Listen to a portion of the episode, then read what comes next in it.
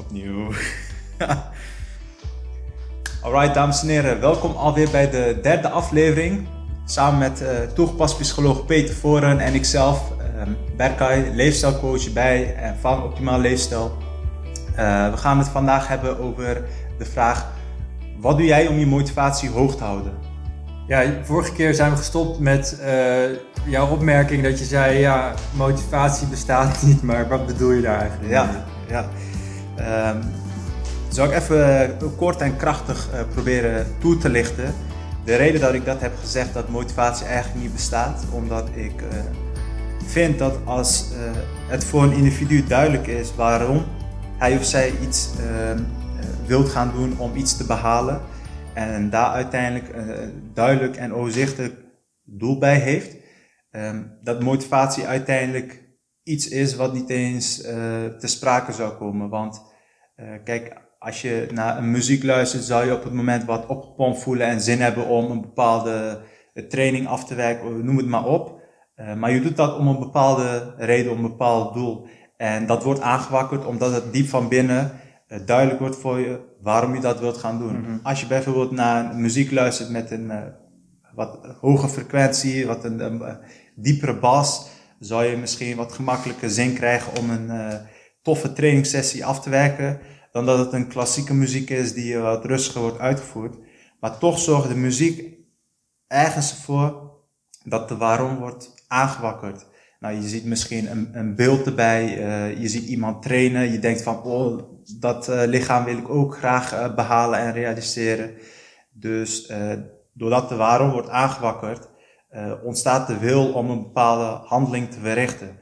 Dus ik ben van mening dat motivatie eigenlijk een wat zwevend begrip is. en dat het vooral gaat om het duidelijk hebben van de waarom om uiteindelijk bepaalde gedragingen, bepaalde handelingen te verrichten.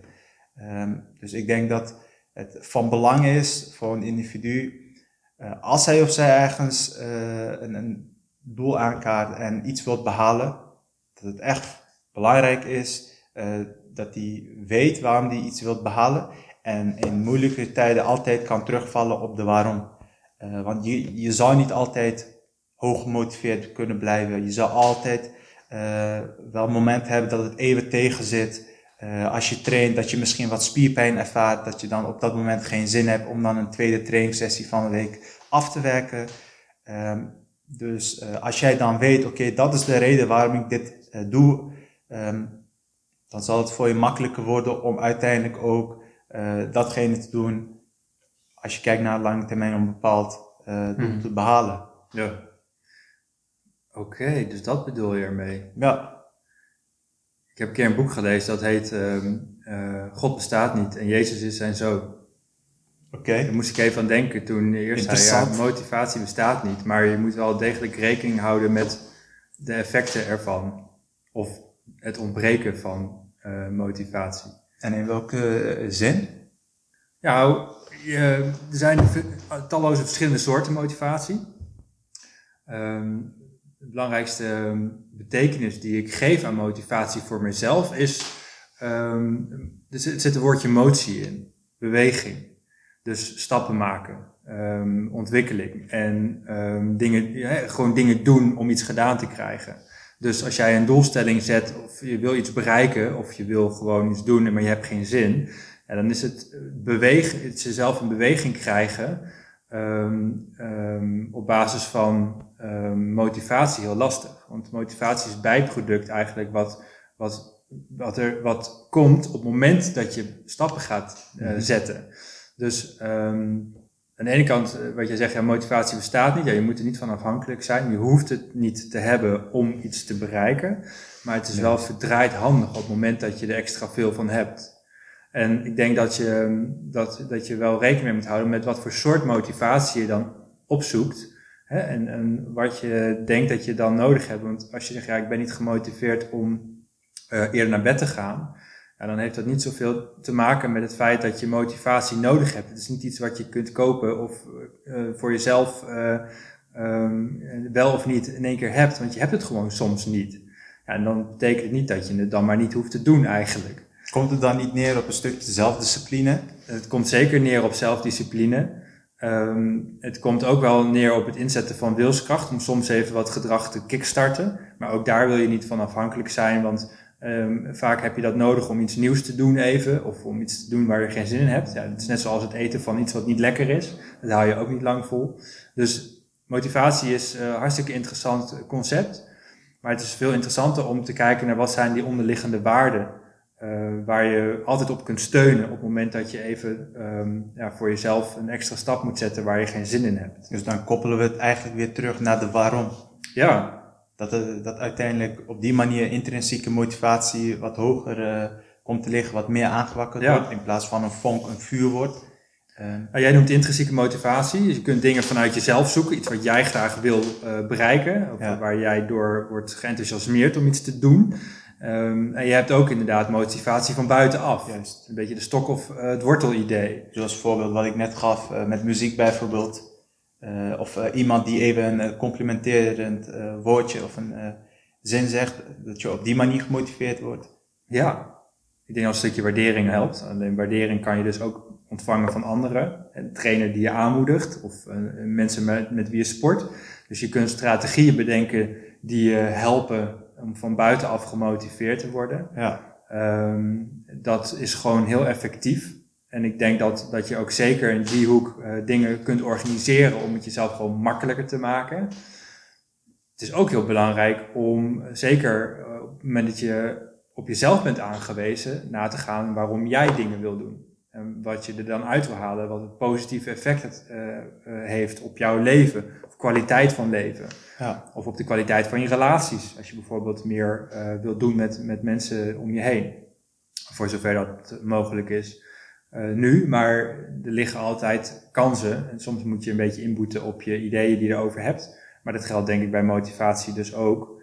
Um, soms moet je gewoon met minder motivatie toch iets uh, doen om uiteindelijk het resultaat te krijgen wat je weer motiveert ja. om, um, om nog verder te gaan vind ik wel interessant nu we over uh, dit aspect hebben.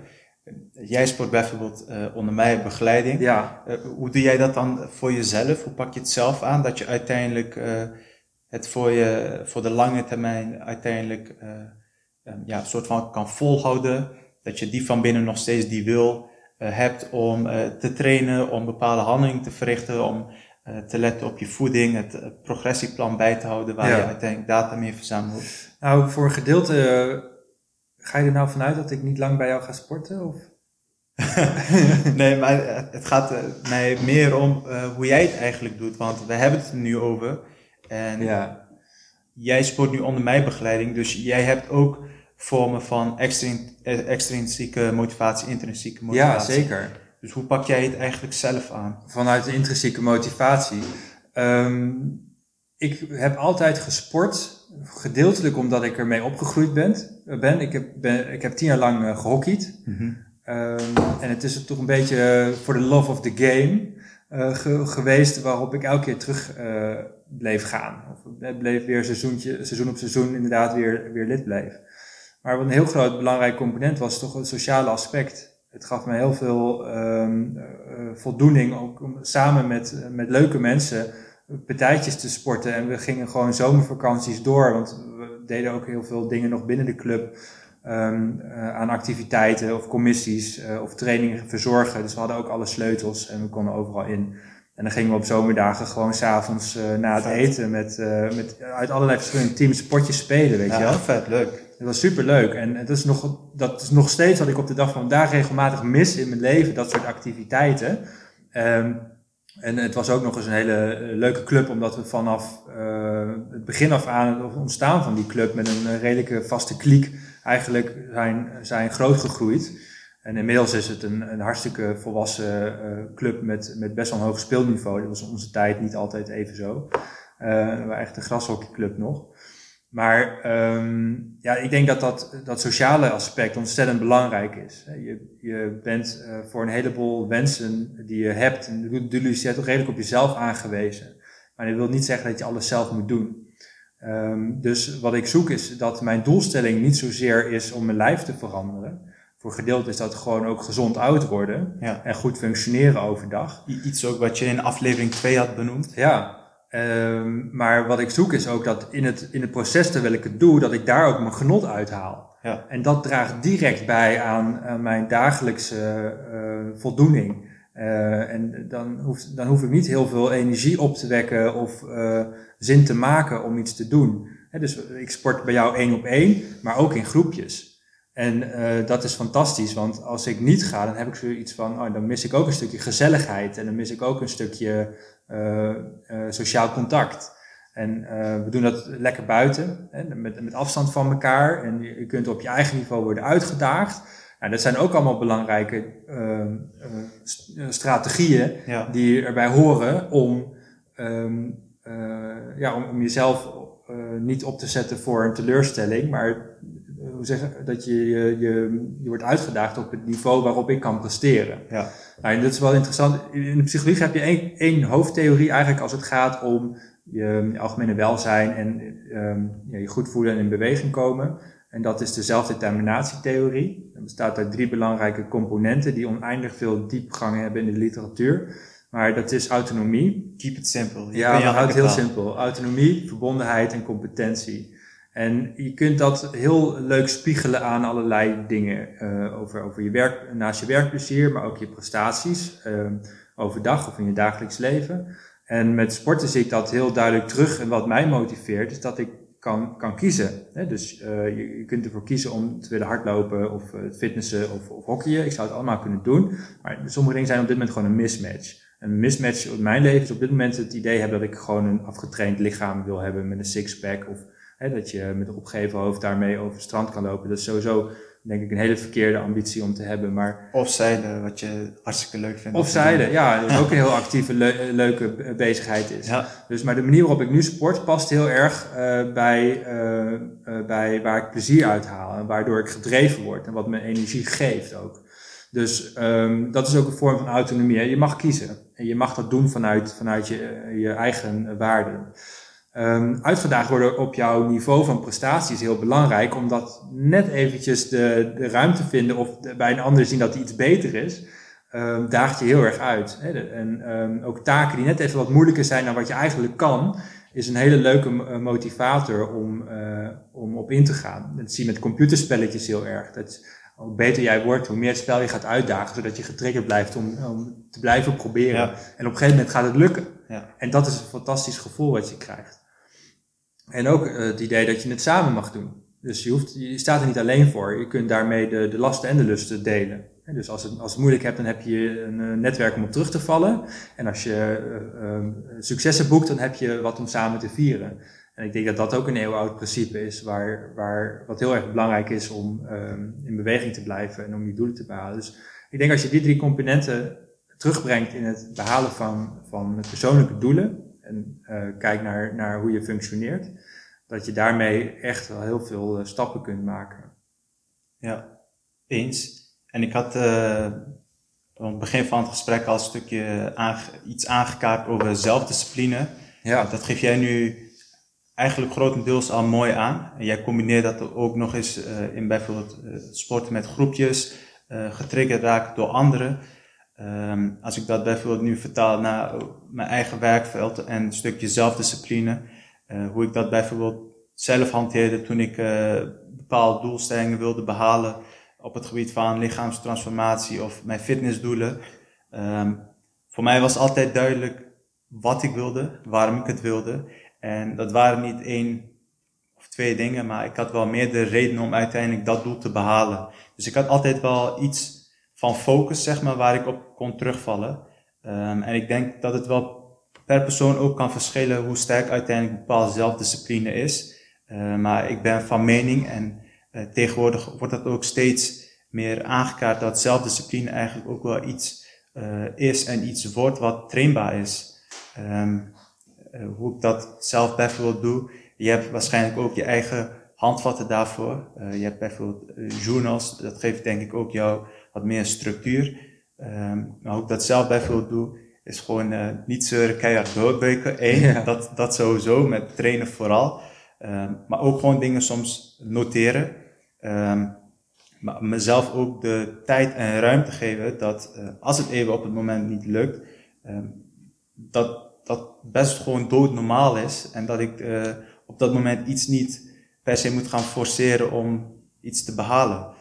Um, ik weet niet of jij zelf nog iets hebt of iets doet om uiteindelijk je zelfdiscipline hoog te houden, zodat je uiteindelijk uh, uh, ja, je, je motivatie van binnen en van buiten hoog houdt. Ja, nee, ik, ik hou me redelijk vast aan iets wat jij al een keer hebt gezegd eigenlijk. Dat, uh, jij post ontzettend veel online.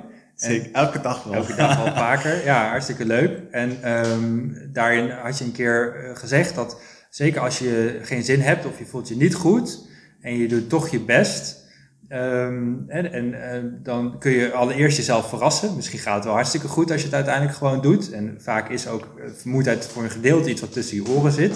Want je lijf kan echt wel heel erg veel, ondanks uh, dat je soms geen zin hebt. Um, en bovendien, als je dan je best doet, hoe goed zou het dan niet zijn als je je daar, daarop weer goed voelt. En je, dankzij die training die je toch hebt gedaan, weer een stap verder kan komen. En dan ja. voel je je dubbel zo goed eigenlijk. Ja. En daar hou ik me elke keer wel aan vast. Denk van, oh ja, weet je, belangrijkste is dat je gewoon die regelmaat houdt. Het gedrag is uiteindelijk uh, fundamenteel belangrijk voor het bereiken van je eindresultaten. En je merkt ook dat in, die, in onze gesprekken je, we het elke keer hebben over iets wat je wil bereiken. En tegelijkertijd is het heel belangrijk om gewoon um, uh, heel bewust om te gaan met, met wat je doet. En dat je op dat moment ook daar de directe vruchten van kan plukken. Mm -hmm. Dus niet het uit, altijd het vooruitgestelde resultaat, maar wat zorgt er nou voor dat je vandaag ook tevreden kunt zijn en ja. blij kunt zijn met wat je doet. Eigenlijk kleine subdoelen ja. richting, richting het uh, ja. hoofddoel. Het einddoel en het procesdoel. En dat is denk ik op zijn minst zo belangrijk. Uh, nou, en los van die strategieën die je kunt hebben, wat jij aangeeft is, um, ja, veroordeel jezelf niet op het moment dat het tegen zit. Ja. Maar wees gewoon uh, compassievol met jezelf en lief voor jezelf. En dat is ook nodig, zeker als je hoge ambities hebt. Als het niet lukt, leer daarvan. Ja. En uh, dat is best wel een bewust proces. Dus wat jij zegt, ja, ik gebruik journaling ook om dingen op te reflecteren, uh, maar ook om inderdaad die positieve beleving hoog te houden. Ja. En niet stuk te lopen op waarom iets niet lukt. Um, en ook om, ja, om de leerpunten eruit om te zetten in vaardigheden voor een volgende keer. Ja, en wat ik daar eigenlijk nog aan zou willen toevoegen is, kijk, uh, omdat op het gebied van fitness wordt ook vanuit heel veel data gewerkt. Dus hoe ik dat uh, bijvoorbeeld onder andere doe als we het hebben over fitnessdoelen, is door data te verzamelen over bijvoorbeeld lichaamssamenstellingen. Uh, maar dat ook uiteindelijk inzichtelijk maken voor het individu zelf. Nou, ik had een keer al progressieplan aangekaart.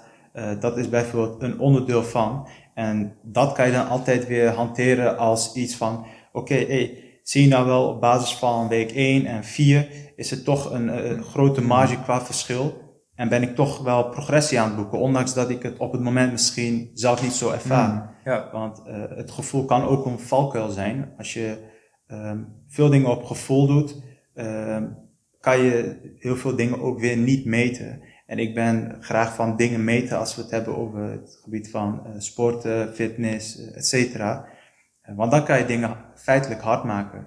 Als je gewicht 70 kilo is en vier weken later is het nog steeds 70 kilo, maar je geeft aan, ik voel me wel wat strakker, dat kan. Mm -hmm. Lichaamssamenstelling kan veranderen. Maar het kan ook net zo goed zijn dat er eigenlijk weinig aan de hand is en dat er eigenlijk niks is veranderd. Dus uh, als je vanuit meerdere hoeken data verzamelt, dan is het wat makkelijker te zeggen um, van, uh, en makkelijk ook uh, inzichtelijk te maken dat iemand daadwerkelijk de goede richting is ingeslagen en daadwerkelijk ook stappen maakt. Mm -hmm. En dat zal dan weer helpen om iemand zijn of haar motivatie dan hoog te houden. Ja. Kleine, uh, ja, kleine hoeken allemaal waar je input vanuit verzamelt. En ik, dat is ook een werkwijze wat ik op het moment zelf hanteer. Dat is een onderdeel van. Uh, maar dat is zeker niet iets wat leidend is. Dat is iets wat wordt meegenomen. Um, en zoals we in de vorige afleveringen ook hebben aangegeven, dat sporten alleen of voeding alleen of slaap alleen niet belicht moet worden, maar dat het uiteindelijk gaat om het algehele plaatje. En dat geldt hetzelfde uiteindelijk ook om iets hoog te houden in de vorm van motivatie, iets vanuit binnen zeg maar hoog te houden, zodat je uiteindelijk die stappen blijft doormaken. Dus dat, dat is iets wat ik zeker zou meenemen uh, op het gebied van motivatie, om vanuit andere hoeken ook data te verzamelen en niet alleen maar vanuit emotie of vanuit gevoel te redeneren. Mhm. Ik denk dat je dan ook wat eh, makkelijker ja, dingen eh, hard kan maken. Ehm, niet alleen maar vanuit één zijde dan, maar ook vanuit iemand anders, een coach of een trainer zijnde, die je daarin ook verder kan sturen om de juiste koers eh, te blijven Ja. varen. Ja, waar ik denk vooral, je zegt heel goed, er is niet één ehm, eh, strategie waar je altijd op terug kunt vallen. Dus discipline werkt niet altijd. Eh, jezelf oppeppen en motiveren om iets te doen werkt niet altijd. Soms wel, hè, maar het is ook vaak omgekeerd. Het is gewoon doen en dan daarvan oogsten. Dus alleen einddoelen werken niet altijd. Ehm, ehm, alleen dingen al- maar- alleen maar met andere mensen doen werkt niet altijd. Dus je moet voor jezelf een recept ontwikkelen wat voor jou houdbaar is en waar Ja. je lekker op gaat. Ja. Ehm, en ehm, ik denk dat je dat het beste kunt doen door gewoon ook heel bewust om te gaan met het proces. En je kunt dat dus inzichtelijk maken door middel van cijfers, maar ook eh, in de vorm van een eh, stukje dagrapportage voor jezelf. Want het is heel moeilijk om Ja. soms je energie om te zetten in een getal. Ja. Hè, dat kan mijn eh, eh, Apple Watch redelijk. en mijn Aura Ring ook nog. Daar speel ik ook nog wel eens mee. Maar je, het gaat er uiteindelijk gewoon om dat je het ook kunt loslaten en kunt genieten van je ontwikkeling over een periode van tijd. En dat je na een jaar kan zeggen, wow, dat heb ik toch maar mooi gedaan. Ja, En dat is de grootste voldoening die je denk ik kan krijgen. ik denk eh, over twee maanden, dan ben ik ongeveer met mijn eigen onderneming een jaar bezig. Dan ben ik officieel online gegaan. Dat ik dat dan waarschijnlijk eh, wat makkelijker zou kunnen zeggen dan nu. Want Ja, op het moment dat je bezig bent, in ieder geval ik dan, sta ik eigenlijk niet bij stil welke stappen ik allemaal doorloop. Maar als ik, eh, dat heb ik je een aantal keer toegelicht, hoe ik bijvoorbeeld mijn werkwijze voorheen hanteerde. Op de zondagen alleen maar evaluaties en dat live. Ehm, ja, dat, dat is nu een volledige metamorfose geweest. Eh, ik pak het nu wat efficiënter aan, ehm, wat eh, minder tijdrovend. En de kwaliteit blijft gewoon gewaarborgd. Ja. Dus dat Mhm. vind ik wel een belangrijk punt wat je eigenlijk aankaart. maar er is maar één manier geweest waarop je dat hebt kunnen realiseren. Door te doen. Dat klopt. Als je het niet, als je het niet doet, Klopt. heb je geen reden om aan te passen. Klopt. Je kan nog zo'n mooie doelstelling hebben. Ja. Dat staat ook op mijn website toevallig. Deed me even direct daaraan denken. Je kan nog zo'n mooie doelstelling hebben, zo'n mooi eh, pad hebben eh, genoteerd wat je wilt doorlopen, maar uiteindelijk komt het eraan om het in praktijk gewoon te doen. Door Ja. try and error, of misschien door eh, evaluaties, reflecties, noem maar op. Mhm. Komt er uiteindelijk kort op, kort op neer dat je ja, gewoon moet doen, proberen. eh, want dat brengt je in praktijk uiteindelijk daadwerkelijk verder en niet alleen maar denken, Ja. beredeneren, opschrijven. Dus eh, ik kan me daar volledig eh, in vinden. Ja. En ik blijf erbij dat motivatie niet bestaat. ja, dat is goed. Dan hou, dan hou, ik er, hou ik er vast aan dat je het wel nodig hebt. ja, ja, dat is een mooie toevoeging, denk ik. Ehm, even zien. Mooie afronding, denk ik. Volgende keer gaan we het hebben nog over de. Hoe blijf je nou gezond in de tijd van eh, corona? ja, Hoe ga je daarmee om? Ehm, de- we hebben het nu gehad over motivatie, over valkuilen eh, en over energie, dagelijkse energie. Maar ja, er zijn natuurlijk ook situaties eh, die je niet had voorzien. Ja. En een van de situaties is natuurlijk nu best wel een crisistijd. eh, klopt. door de, de COVID-19-periode die eh, dit jaar best wel eh, eh, of er zijn stempel op heeft gedrukt. Dus hoe gaan we daarmee om? Eh, zeker met het gebied op eh, met, met eh, eh, fitnessdoelen en gezondheid. Ja. Ehm, Oké, tof. Als je daar vragen over hebt, of aan de hand van dit gesprek, drop je vragen gewoon weer onder de video of podcast of onze social media kanalen. Je weet ons te vinden op peterforum.nl en optimaleleefstijl.nl. Tot de volgende keer.